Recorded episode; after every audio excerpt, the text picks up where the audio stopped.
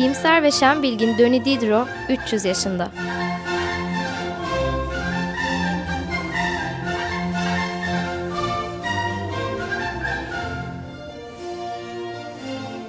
Hazırlayıp sunan Evren Asena.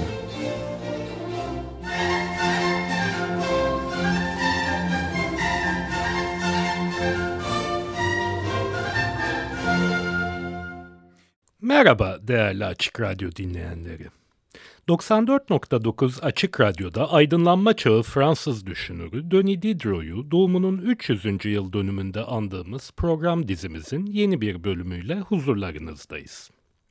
Geçen bölümümüzde sansür kaygısıyla her ne kadar üzerinde kendi adı belirtilmemiş de olsa, başından sonuna dek Diderot'un kaleminden çıktığı hemen öğrenilip anlaşılmış ilk yapıtından, yani felsefi düşüncelerden söz etmiş, daha doğrusu Türkçe'ye de çevrilmiş bu ilk yapıttan pek çok pasajı sizlerle paylaşmıştık. 1746 yılının Paskalyası'nda 3 gün içerisinde kaleme almıştı bu yapıtı Diderot. 1746 yılı aynı zamanda Diderot'un arkadaşı D'Alembert ile ansiklopedi projesi bünyesinde çalışmaya başladıkları yıl. Ansiklopedinin prospektüsünün yani bilgilendirme duyurusunun yayınlanacağı 1750'ye dek sürecek hummalı hazırlık faaliyetinden önümüzdeki hafta söz edebilmeyi umuyoruz.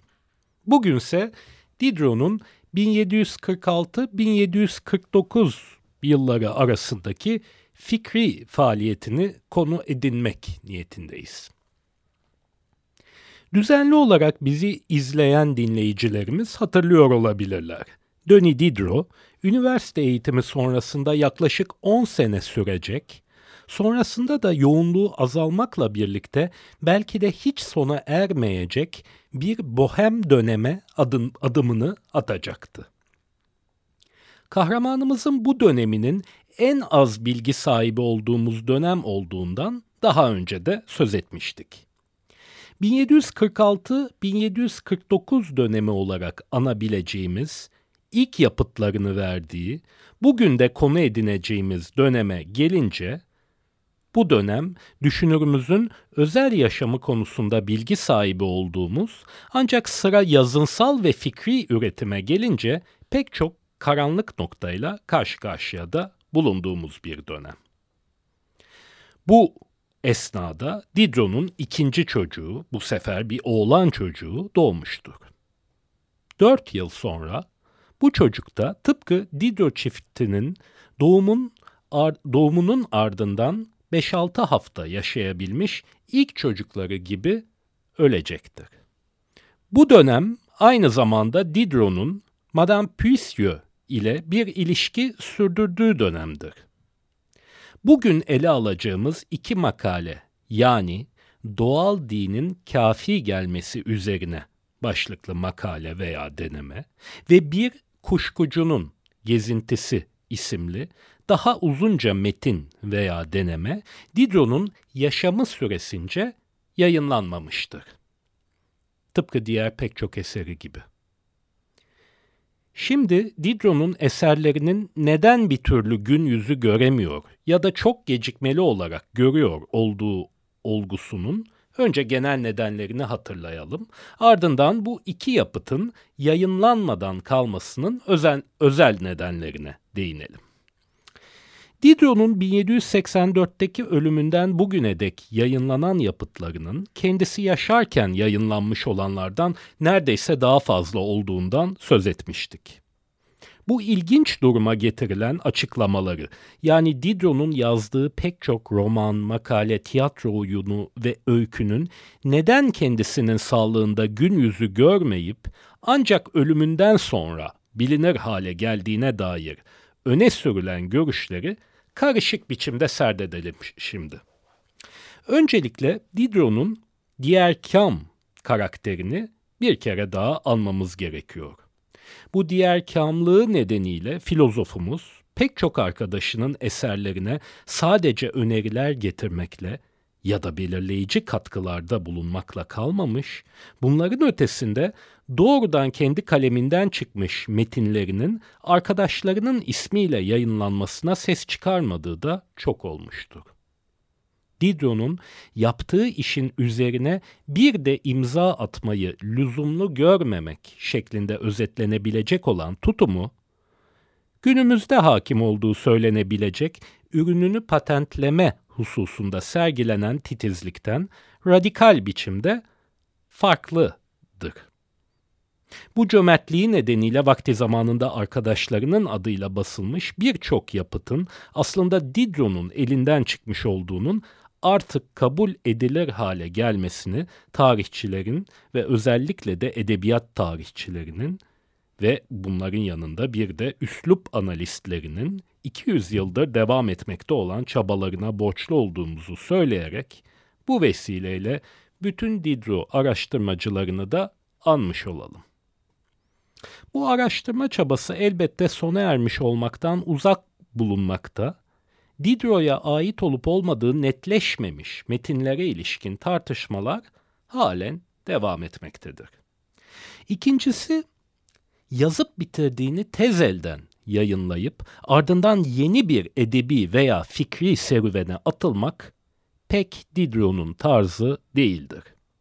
Düşünürümüz yazıp bitirdiği metinlere ömrü müddetin ömrü müddetince dönüp dönüp duracak, evvelden yazdıklarında düzeltme üzerine düzeltme yapacak, nedenli velut bir yazar olduğu göz önünde tutulursa yazdıklarını ancak nadiren yayınlayacak, eğer yayınlarsa da bu yayını yapmış olmaktan ötürü bir süre sonra genellikle pişman olacak ve nihayet eserlerine yönelik bu titizlenme sonucu pek çok eseri ancak kendisinin ölümünden sonra keşfedilebilecektir. Biyograflarından Jacques Attali'ye göre yazmak, düşüncelerin çağlayan gibi döküldüğü zihnine çeki düzen vermesine ve süratle kaçıp gitmekte olanı tespit ederek kendisini yavaşlatmaya hizmet etmektedir. Diderot'un yazdıklarını yayınlamaktan neden kaçındığına ilişkin öne sürülen bir üçüncü açıklama, 1749'daki 3 ay süren mahpusluğun, deyim yerindeyse aşırı sosyal bir insan olan kahramanımız için ağır bir travma yarattığı, bunun sonucunda da ömrü boyunca polis gözetiminde yaşayacak olmanın ruhunda yarattığı gerilimi, bir de yeniden hapiste tutulma riskini göze alarak daha da arttırmaktan kaçınmayı tercih ettiği yolundadır. Dönemin hafiyelerle dolu baskıcı ortamı göz önüne alındığında bu da makul bir açıklama gibi duruyor. Bu üçünün haricinde ilk işitildiğinde biraz iddialı gelebilecek dördüncü bir açıklama çabası. Yani Diderot'un yapıtlarından bazılarını neden yayınlamayı tercih etmediğini gerekçelendirmeye çalışan dördüncü bir yaklaşım da mevcuttur. Bu bakış açısına göre Diderot, kendi dönemdaşları tarafından anlaşılmayı ümit etmekten bir kelimeyle vazgeçmiştir. Hayli iddialı bu açıklama tarzının ilk anda zannedilebileceği gibi eksantrik bir görüş olmadığını, birçok Diderot biyografının bu görüşe hak verdirecek ipuçlarına doğrudan Diderot'un kendisinin işaret etmiş olduğu kanısında birleştiklerini ekleyelim. Yani kimi biyograflarına göre Diderot'un kendi döneminde önem ve değerini teslim edeceklerden ziyade gelecek kuşaklara hitaben yazmış olduğunu düşündürecek faktörler mevcuttur.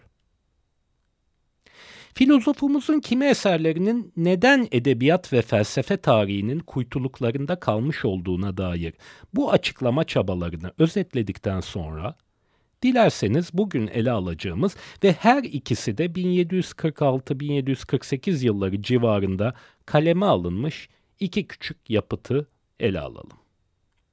İlki yani doğal dinin kafi gelmesi üzerine başlıklı olanının 1746 yılı sonbaharında yani felsefi düşüncelerin Ağustos ayında sembolik şekilde de olsa yakılmış olmasının ardından yazıldığı düşünülmektedir.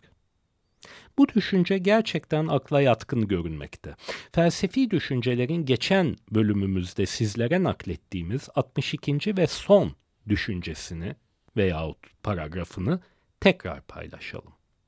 Böylece siz sevgili dinleyiciler de doğal dinin kafi gelmesi üzerine başlıklı 1770 yılında Diderot henüz hayattayken arkadaşlarından Wolfgang'ın imzasıyla yayınlanmış, düşünürümüze ait olduğu ise ancak kendisinin ölümünden sonra kesinleştirilmiş olan bu makalenin içeriğine vakıf olabileceksiniz. Zira Doğal Dinin Kafi Gelmesi Üzerine isimli bu makale, Diderot'un 6-7 ay önce yayınladığı ilk yapıtının son düşünce veya paragrafının biraz daha geniş biçimde açıklanmasından ibarettir desek, herhalde çok da yanılmış olmayız. Evet, okuyalım şimdi, daha doğrusu tekrar okuyalım felsefi düşüncelerden 62. ve son düşünceyi. Görüşlerdeki bu çeşitlilik yaradancılara sağlam olmaktan çok benzersiz olan bir düşünme düzeni tasarlatmıştır. Cicero, Romalıları dünyanın en savaşkan milleti olarak tanıtlarken bu görüşü ustalıkla karşısındakinin sözlerinden çıkarmaktadır. Galyalılar, yiğitliği kendinizden başka birine kondurmak isteseniz kime kondururdunuz? Romalılara. İranlılar. Sizden sonra en yiğit insanlar kimlerdir? Romalılar. Afrikalılar. Birinden çekinmiş olsanız en çok kimden çekinirdiniz?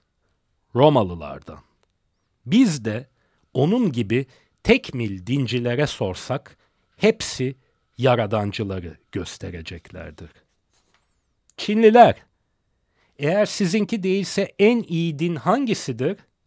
Doğa dini.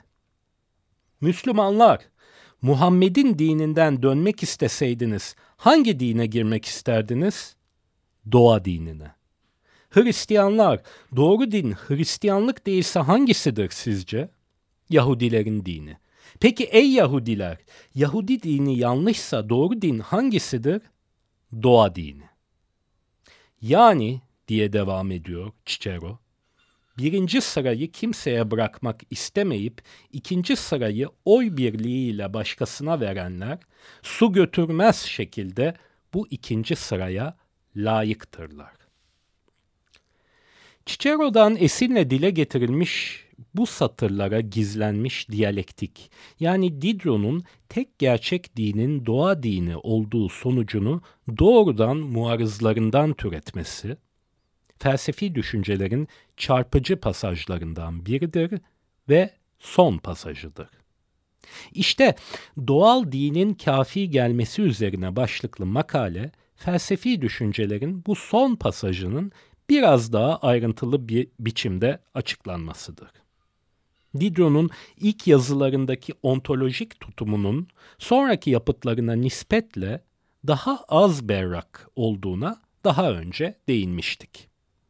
Tıpkı felsefi düşünceler için olduğu gibi bu makalenin yani doğal dinin kafi gelmesi üzerine başlıklı bu denemenin de Diderot'un premateryalist veya preateist bir dönemini mi tespit ettiği, yoksa zaten çoktan şekillenmesi tamamlanmış bir ateizmin olsa olsa sakınımlı adımlarla dile getirilmeye başlanmasını mı ifade ettiği üzerine tartışma halen sürmektedir. İlerleyelim. Şimdi düşünürümüzün yine bu yıllarda yazdığı, yazdığı düşünülen ancak tam olarak ne zaman yazıldığı hususunda tarihçi ve biyografların henüz mutabakata varamamış olduğu daha kapsamlı bir makalesine veya denemesine geçiyoruz. Bir septiğin yani kuşkucunun gezintisi başlıklı bu metnin gün yüzü görmesi ancak Diderot'un ölümünden sonra nasip olacaktır. Bu eser üzerinde biraz daha ayrıntılı duralım ama önce bir müzik arası verelim. Ramon'un Les Indes Galant başlıklı orkestra suitlerini dinlemeye devam ediyoruz. Bugün Orage başlıklı orkestra suitini La Chapelle Royale Orkestrası'ndan Philip Herabehe yönetiminde dinliyoruz. Tekrar merhabalar değerli Açık Radyo dinleyicileri. 94.9 Açık Radyo'da iyimser ve şen bilgin Doni Didro 300 yaşında başlıklı program dizimizin yeni bir bölümünde bir müzik arasının ardından beraberiz. Bugün Diderot'un 1746-1748 yılları arasında kaleme aldığı düşünülen ancak sağlığında kendi ismiyle basılmamış iki yapıtından söz ediyoruz. Programımızın ilk yarısında doğal dinin kafi gelmesi üzerine başlıklı makaleden söz etmiştik. Şimdi de biraz daha uzunca bir diğer makaleden, bir septiğin ya da kuşkucunun gezintisinden söz edeceğiz. Bazı biyograflara göre 1747'de, diğer bazılarına göre 1748'de ve yine bazılarına göre 1749'da yazılmış olduğunun kabul edilmesi gereken bu makalenin Diderot'un polis ve sansür aygıtıyla olan ilişkisi açısından önemi vardır. Ancak önce içeriğini özetleyelim bu felsefi nitelikteki denemenin. Düşünürümüzün pozisyonunu ifade ettiği düşünülebilecek bir septik yani kuşkucu. Önce yakıcı bir tiradı seslendirmekte. Bunun ardından her birinde farklı farklı fikir erbabının dolanıyor olduğu bulvarlardan veya hıyabanlardan geçeceği hayali bir gezintiye başlamaktadır. Başlangıç tiradında zikredilen şu sözleri özellikle siz sevgili dinleyicilerin dikkatine sunuyoruz. Benden din ve hükümet konularında susmamı beklerseniz bilin ki söyleyecek başka sözüm yok. Evet, tekrarlayalım bu Diderot'un ömrü boyunca içeriğine sadık kalacağı cümleyi. Benden din ve hükümet konularında susmamı beklerseniz bilin ki başka söyleyecek sözüm yok. Günümüzde bazı sohbet ortamlarının iki konuda yani din ve siyaset hakkında konuşmama ilkesi üzerine bina edildiğine sıkça tanık olmaktayız. Demek ki din ve hükümeti yani siyaseti üzerinde konuşulmaya değer yegane şeyler olarak gören ve bu görüşünü de sadakatle muhafaza edecek olan düşünürümüz bu tür ortamlara denk gelse herhalde susmayı tercih edecekti. Makalenin veya denemenin başında yer alan bu tiradın ardından düşünürümüz, denemedeki ismi Arist'tir, her biri ehli fikir tarafından tutulmuş bulvarları veya hıyabanları dolaşmaya başlayacaktır. İlk olarak kendisinin ömrü boyunca muarızı olacağı din adamlarının bulunduğu bulvara girer.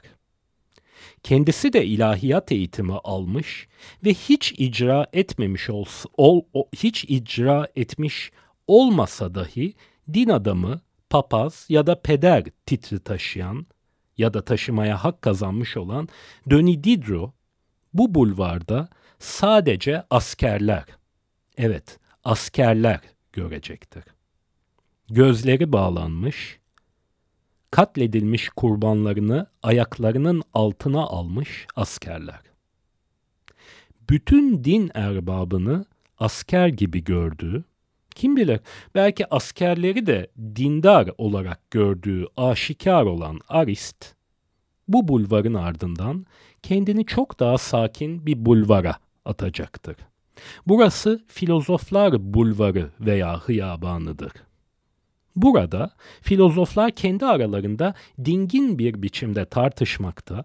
Bu tartışmalar zaman zaman yan bulvardaki askerlerin tethişi sonucu kesintiye uğradığında da filozoflar bu sefer neden tethişe uğradıklarını tartışmaktadırlar. Filozoflar hep tartışmaktadırlar. Diderot'un hep tartışan ve sadece tartışmakla yetinen insanlara yönelik bu iğneleyici tavrını akılda tutabiliriz. Zira bu tavır ileride de karşımıza çıkacak. Filozoflar bulvarının şöyle bir etkisi olduğunu da müşahede eder kuşkucumuz veya Arist veya Diderot. Askerlerden olur da bu bulvara iltica eden olursa o mültecinin gözleri tıpkı doğuştan görme engelli birinin gözlerinin açılması gibi açılmakta. Yani filozoflar bulvarı o vakte kadar dini karanlığa mahkum kalmış zihinleri aydınlatmakta ve açmaktadır. Gezinti esnasında denk gelinen üçüncü bulvarsa Hazlar Bulvarı'dır gündelik ve sıradan bir yaşamın hazlarını devşirmek isteyenler de bu bulvarı doldurmuşlardır. Önemli bir ayrıntı, kadınlar sadece bu bulvarda bulunmaktadır. Burası kuşkucu gezginimiz Arist'in hoşuna gider. Kalmak da ister burada ancak bir süre sonra bütün hazların gelip geçici olduğunu, tutkunun kıskançlıkla, zaferin ise ihanetle sonuçlandığını fark edecektir. Diderot bu metin üzerinde çalışmaya devam edecek, yeni yeni versiyonlarını yazacak, eskilerini imha edecektir. Bir kuşkucunun gezintisi 1746 yılında basılmasının birkaç ay ertesinde yazılmış olan felsefi düşüncelere kıyasla belirgin biçimde keskin bir metindir. Belli ki makalede Diderot'u temsil eden kuşkucu Arist'in kuşkuculuğu, gözü bağlı askerler şeklinde resmettiği din adamlarına yönelik değildir. Bu defter kapanmış gözükmektedir. Felsefi düşüncelerde dine ya da Hristiyanlığa dair retrospektif bir bakışla taviz olarak nitelendirilebilecek kanaatler bu metinde ya hiç bulunmamaktadır ya da var oldukları ancak biraz zorlama pahasına ifade edilebilir. Metnin varlığı biz okurlardan önce bir kopyasını ele geçiren polis tarafından öğrenilmiştir. Diderot 1749 yılında tutuklandığında kendisine bu metnin kendisi tarafından yazılıp yazılmadığı sorulmuş, yargı makamı polis tarafından tehlikeli bir zındık olduğu daha felsefi düşüncelerin yayınlanmasından hemen sonra kayıtlara geçirilmiş bu genç adamı mahkum etmek için bu henüz basılmamış ve zaten de basılmayacak denemeyi de ithamlarına konu etmiş ve hiçbir zaman yayınlamaya girişmemesi için gözdağı vermiştir filozofumuza. O halde toparlayalım.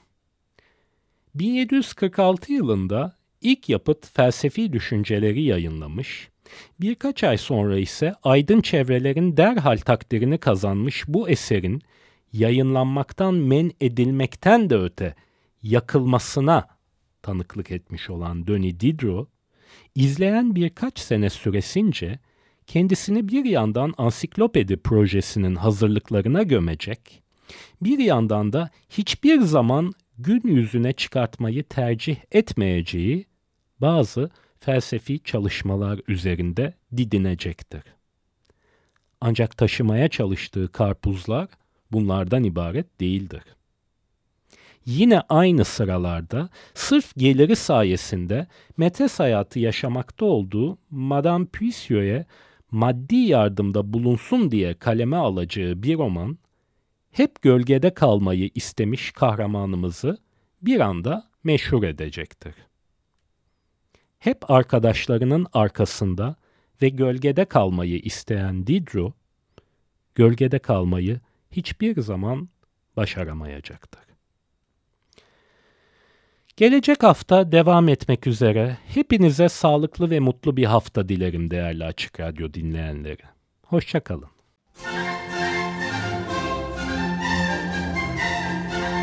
İyimser ve şen bilgin Döni Didro 300 yaşında.